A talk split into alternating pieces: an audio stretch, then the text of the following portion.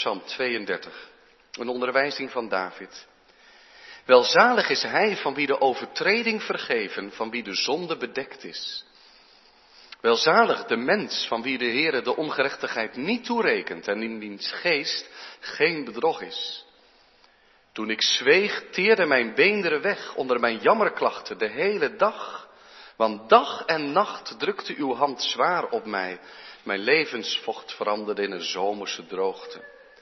Mijn zonde maakte ik u bekend. Mijn ongerechtigheid bedekte ik niet. Ik zei, ik zal mijn overtredingen beleiden voor de Heere. En u vergaf mijn ongerechtigheid, mijn zonde.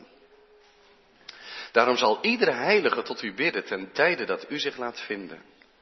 Voorzeker een overstroming van machtige wateren zal hem niet bereiken. U bent mijn schuilplaats. U beschermt mij voor benauwdheid. U omringt mij met vrolijke gezangen van bevrijding. Ik onderwijs u en leer u de weg die u moet gaan. Ik geef raad, mijn oog is op u. Wees niet als een paard, als een muildier dat geen verstand heeft. Zijn bek houdt men in toom met bit en toom, dan kan hij niet u te nakomen.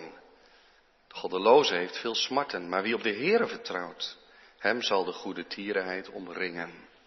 Verblijd u in de Heere en verheug u rechtvaardigen, zing vrolijk alle oprechten van hart. Tot zover Psalm 32. De tekst voor de prediking van vanmorgen is het laatste vers van 1 Korinthe 15. Laatste vers, vers 58, waar staat, daarom mijn geliefde broeders, wees standvastig, onwankelbaar, altijd overvloedig in het werk van de Heer, in de wetenschap dat uw inspanning niet te vergeefs is in de Heer. 1 Korinthe 15, vers 58. Gemeente van onze Heer Jezus Christus. Wie kent het niet dat je met toewijding aan iets begint, maar dat je vastloopt met de vraag, heeft het wel zin? Waar doe ik dit allemaal voor? Halen die inspanningen allemaal wel wat uit? Het lijkt zo niets, zo nutteloos, zo zinloos. Waarom zou ik me nog inspannen? Ook in de dingen van de Heer en van zijn koninkrijk kan dat gebeuren, want het werk van de Heer vraagt inspanning en kost moeite. Denk maar aan het getuigen zijn van de Heer in deze wereld. Dat is niet makkelijk. Het leven in de navolging van de Heer Jezus Christus met de zelfverloochening die dat met zich brengt. Het kruisdragen achter Hem aan. Klaarstaan voor mensen liefhebben, meewerken in de gemeente, de tijd die je daaraan geeft, inzet, de offers die je brengt. Maar wat haalt het uit? Wat bereik je ermee? Is het niet water naar de zee dragen, kun je soms het gevoel hebben. Zeker als je bidt voor mensen om je heen en probeert een getuige van Christus te zijn en hoopt dat ook anderen tot geloof komen en dat je soms denkt, ik saai wel, maar zal er ooit wel een oogst zijn? Haalt het iets uit? Het is niet zo vreemd als een zekere vorm van moedeloosheid je te pakken krijgt. Je denkt, ach, inspanningen. Haalt het wat uit? Nu aan het einde van een heel hoofdstuk over de opstanding van Christus spoort Paulus ons aan goede moed te hebben. Want uw inspanning, uw moeitevolle arbeid zal niet te vergeefs zijn. Waarom niet? Dat antwoord gaan we natuurlijk vinden in dit gedeelte. En daaronder ligt de geloofsbeleidenis. Waarom niet? Omdat Christus waarlijk is opgestaan. Thema voor de preek is doorgaan. Het is niet zinloos. En we zien twee dingen in deze tekst naar voren komen. Het eerste is, hou vast aan de opstanding. Hou vast aan de opstanding. En het tweede is, ga door met het werk van de Heer. Vers 58 is de conclusie van een heel hoofdstuk. Daarom, zegt de apostel. Waarom dan? Nu omdat Christus werkelijk is opgestaan. Omdat hij de dood heeft overwonnen. En omdat eens de doden zullen leven. En die in de Heere sterven, zullen met hem ingaan in dat eeuwige leven. Daarom, zegt de apostel, wees standvastig. Onwankelbaar, standvastig. Dat woord heeft zoiets van, je staat ergens of je zit ergens. En er zou iemand, stel het maar even voor, naar je toe komen en die zegt, schuif eens even op. Maar jij zegt, geen millimeter. En niet omdat je halstarrig bent of zo, of een onvriendelijk mens, maar je zegt, ik kan niet anders. Dit is mijn positie, ik kan niks op toegeven. Nou, hier gaat het om het geloof in de opstanding. Als er iemand naar je toe komt en die begint twijfel te zaaien, is het wel waar, moet je het niet anders zien? En, en, en standvastig betekent dan, hier sta ik, ik kan niet anders. Dit is wat we geloven en we gaan geen duimbreed aan de kant. Standvastig, vast in het geloof. Er waren in die tijd nogal mensen die zeiden, kom, de opstanding. Wie bedenkt dat nu? Zeker in die Griekse wereld van toen. Dat je zegt, ja, dit, dit aardse bestaan, het rammelt aan alle kanten, dat kan toch niet mee in de grootheid van Gods toekomst. En sommigen begonnen al te twijfelen, staan de doden wel op? Is het niet genoeg dat Jezus leeft in ons hart? Moet je dan wel echt ook geloven dat doden de graven uit zullen komen? En dat Jezus is opgestaan uit de dood. Er was twijfel en mensen begonnen openlijk de opstanding in vraag te stellen. En daarom schrijft Paulus dit hele hoofdstuk, want kijk maar eens hoe hij begint in dat eerste vers.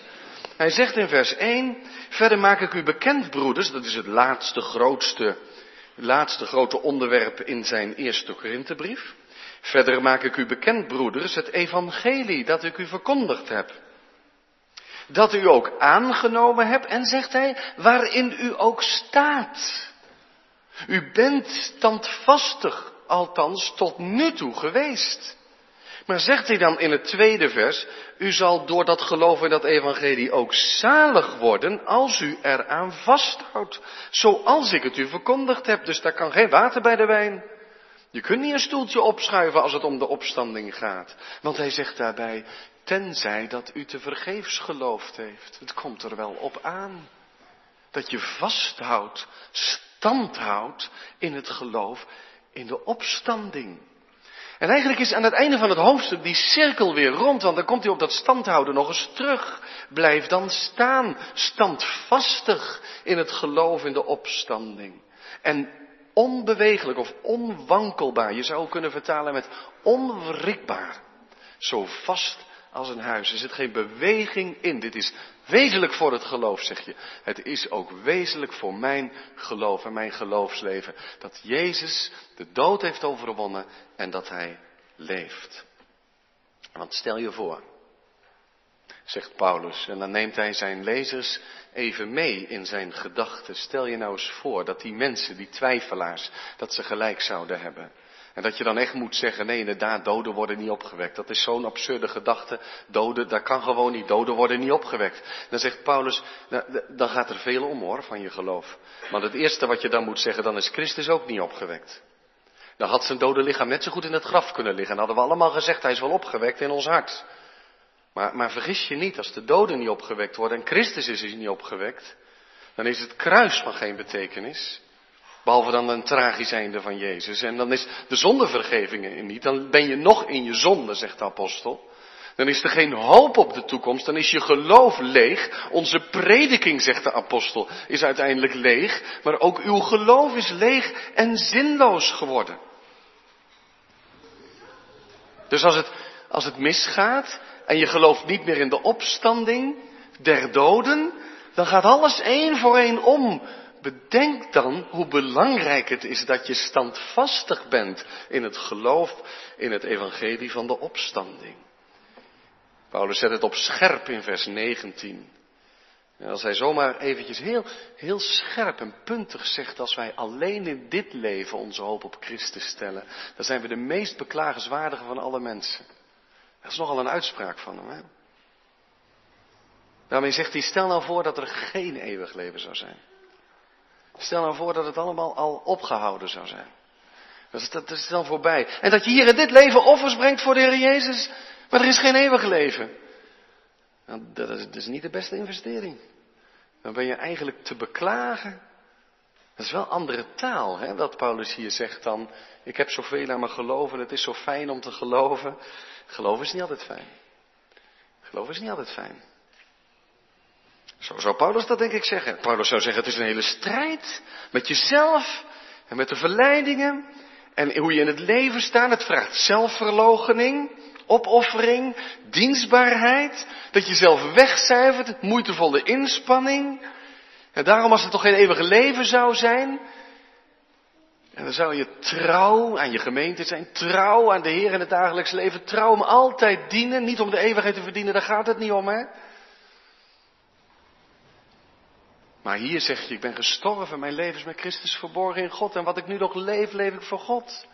Christus leeft in mij. Begrijp me goed. God kennen en Christus kennen is het beste wat je kan overkomen. Maar gelukkig is er wel meer dan de zelfopoffering in dit leven. Want christen zijn, zo maakt Paulus ons nog maar eens duidelijk, is niet alleen maar gemakkelijk. Maar, zegt hij dan in vers 20, maar nu, Christus is opgewekt en is de eersteling van degenen die ontslapen zijn. Met andere woorden, Christus leeft al in het eeuwige leven. En wie in Hem gelooft, zal leven tot in eeuwigheid.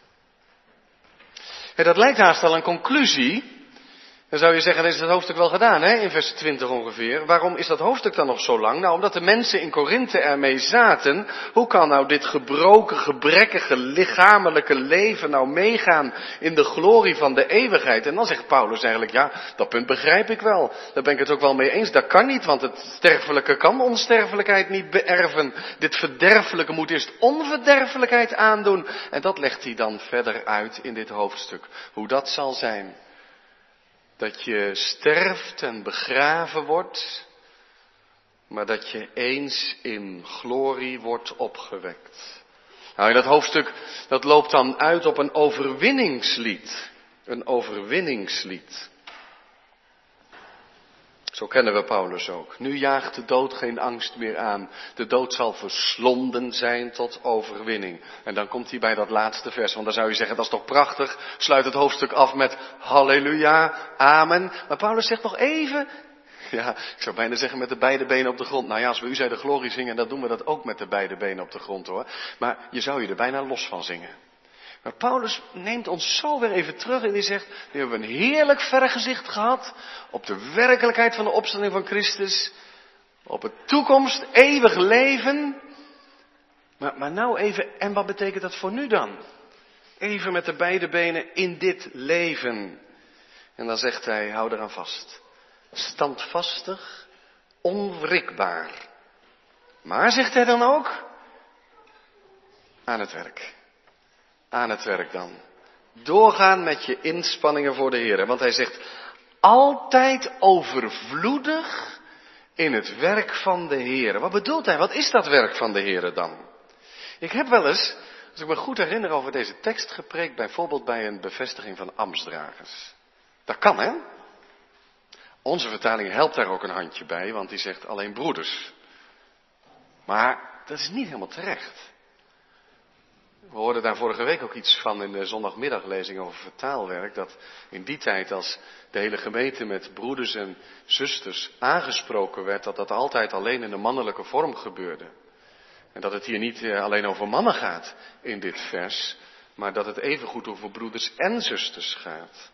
En dat het werk van de Heere niet alleen een kwestie is van ambtelijk werk. Ja, ik mag werk van de Heere doen nu. Maar degene die straks koffiekopjes opruimt, doet ook het werk van de Heer. En de muziekgroep doet het werk van de Heer. En het werk van de Heer is morgen op tijd op je werk zijn. En uitgerust als het even kan. En dan trouw aan je werk beginnen. Dat is ook werk van de Heer. En weet je wat nou zo bijzonder is, wat nou zo'n geweldige gedachte hier is? Dat het niet staat, ga door, wees overvloedig in het werk voor de Heer. En dat is het natuurlijk ook. Het is ook werk voor de Heer, maar er staat werk van de Heer.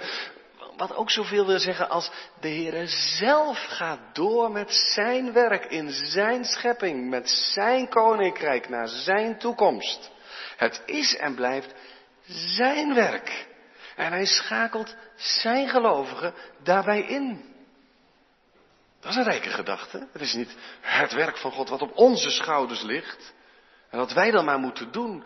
De Heere gaat door met zijn werk. En ik mag daar deel van uitmaken. Ja, wat hoort daar dan bij? U denkt direct aan evangelisatie en zending en prediking en dat mag best.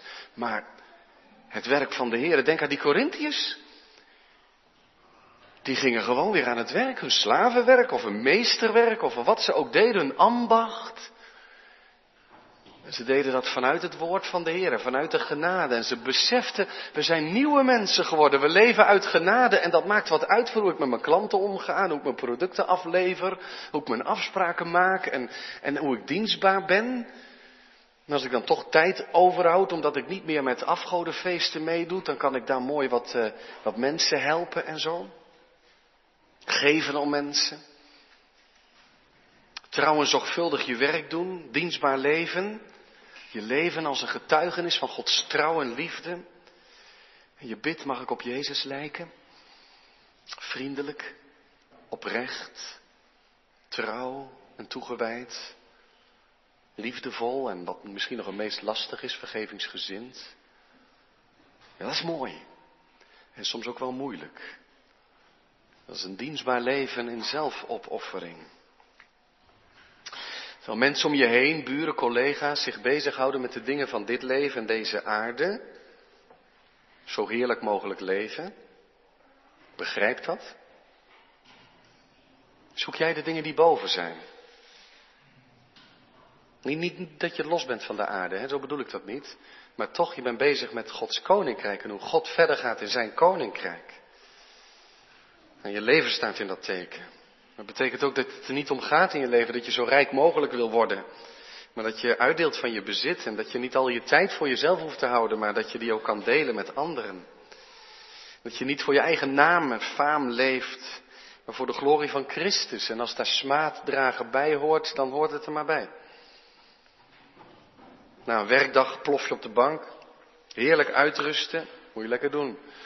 Als er dan zomaar iemand door je gedachten gaat van hoe gaat het daarmee, is het misschien toch goed om maar eens even een berichtje te sturen. Gewoon omdat je begaan bent met anderen, om Jezus wil. En dan komen er allemaal momenten waarop je denkt, wat doe ik het allemaal voor?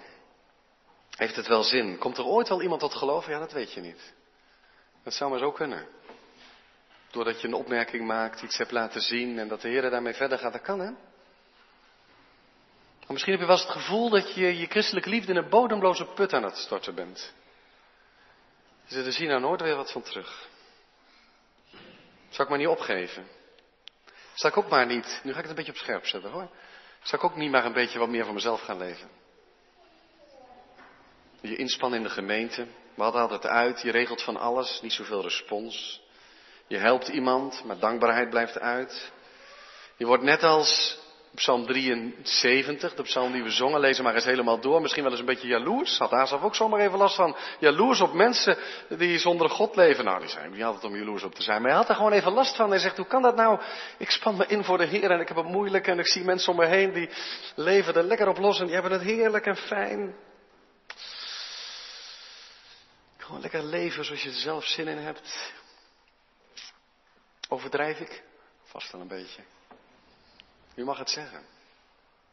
Ik zet het bewust even stevig aan, omdat Paulus schrijft in de wetenschap dat uw inspanning niet te vergeefs is in de Heer. En dat woord inspanning, wat hier staat, dat is niet van ik doe eens even iets, maar het is uh, zweet en tranen.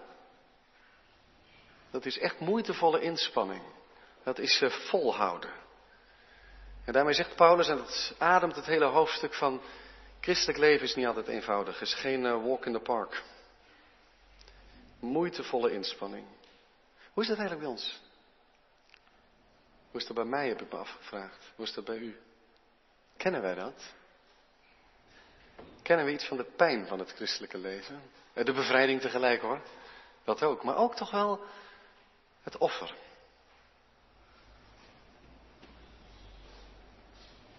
Of houden we ons christelijke leven leuk? Beheersbaar, fijn, gezellig, zonder al te veel moeite. zet het bewust even heel zwart neer. Je begrijpt dat wel. Degene die zichzelf verlogen in de dienst van de Heer bemoedigt Paulus heel sterk. Maar als je niet weet van moeitevolle inspanning voor de Heer, dan gaat die bemoediging wel aan je voorbij, of niet? Misschien dat er een uitnodiging in zit om er ook in mee te gaan doen.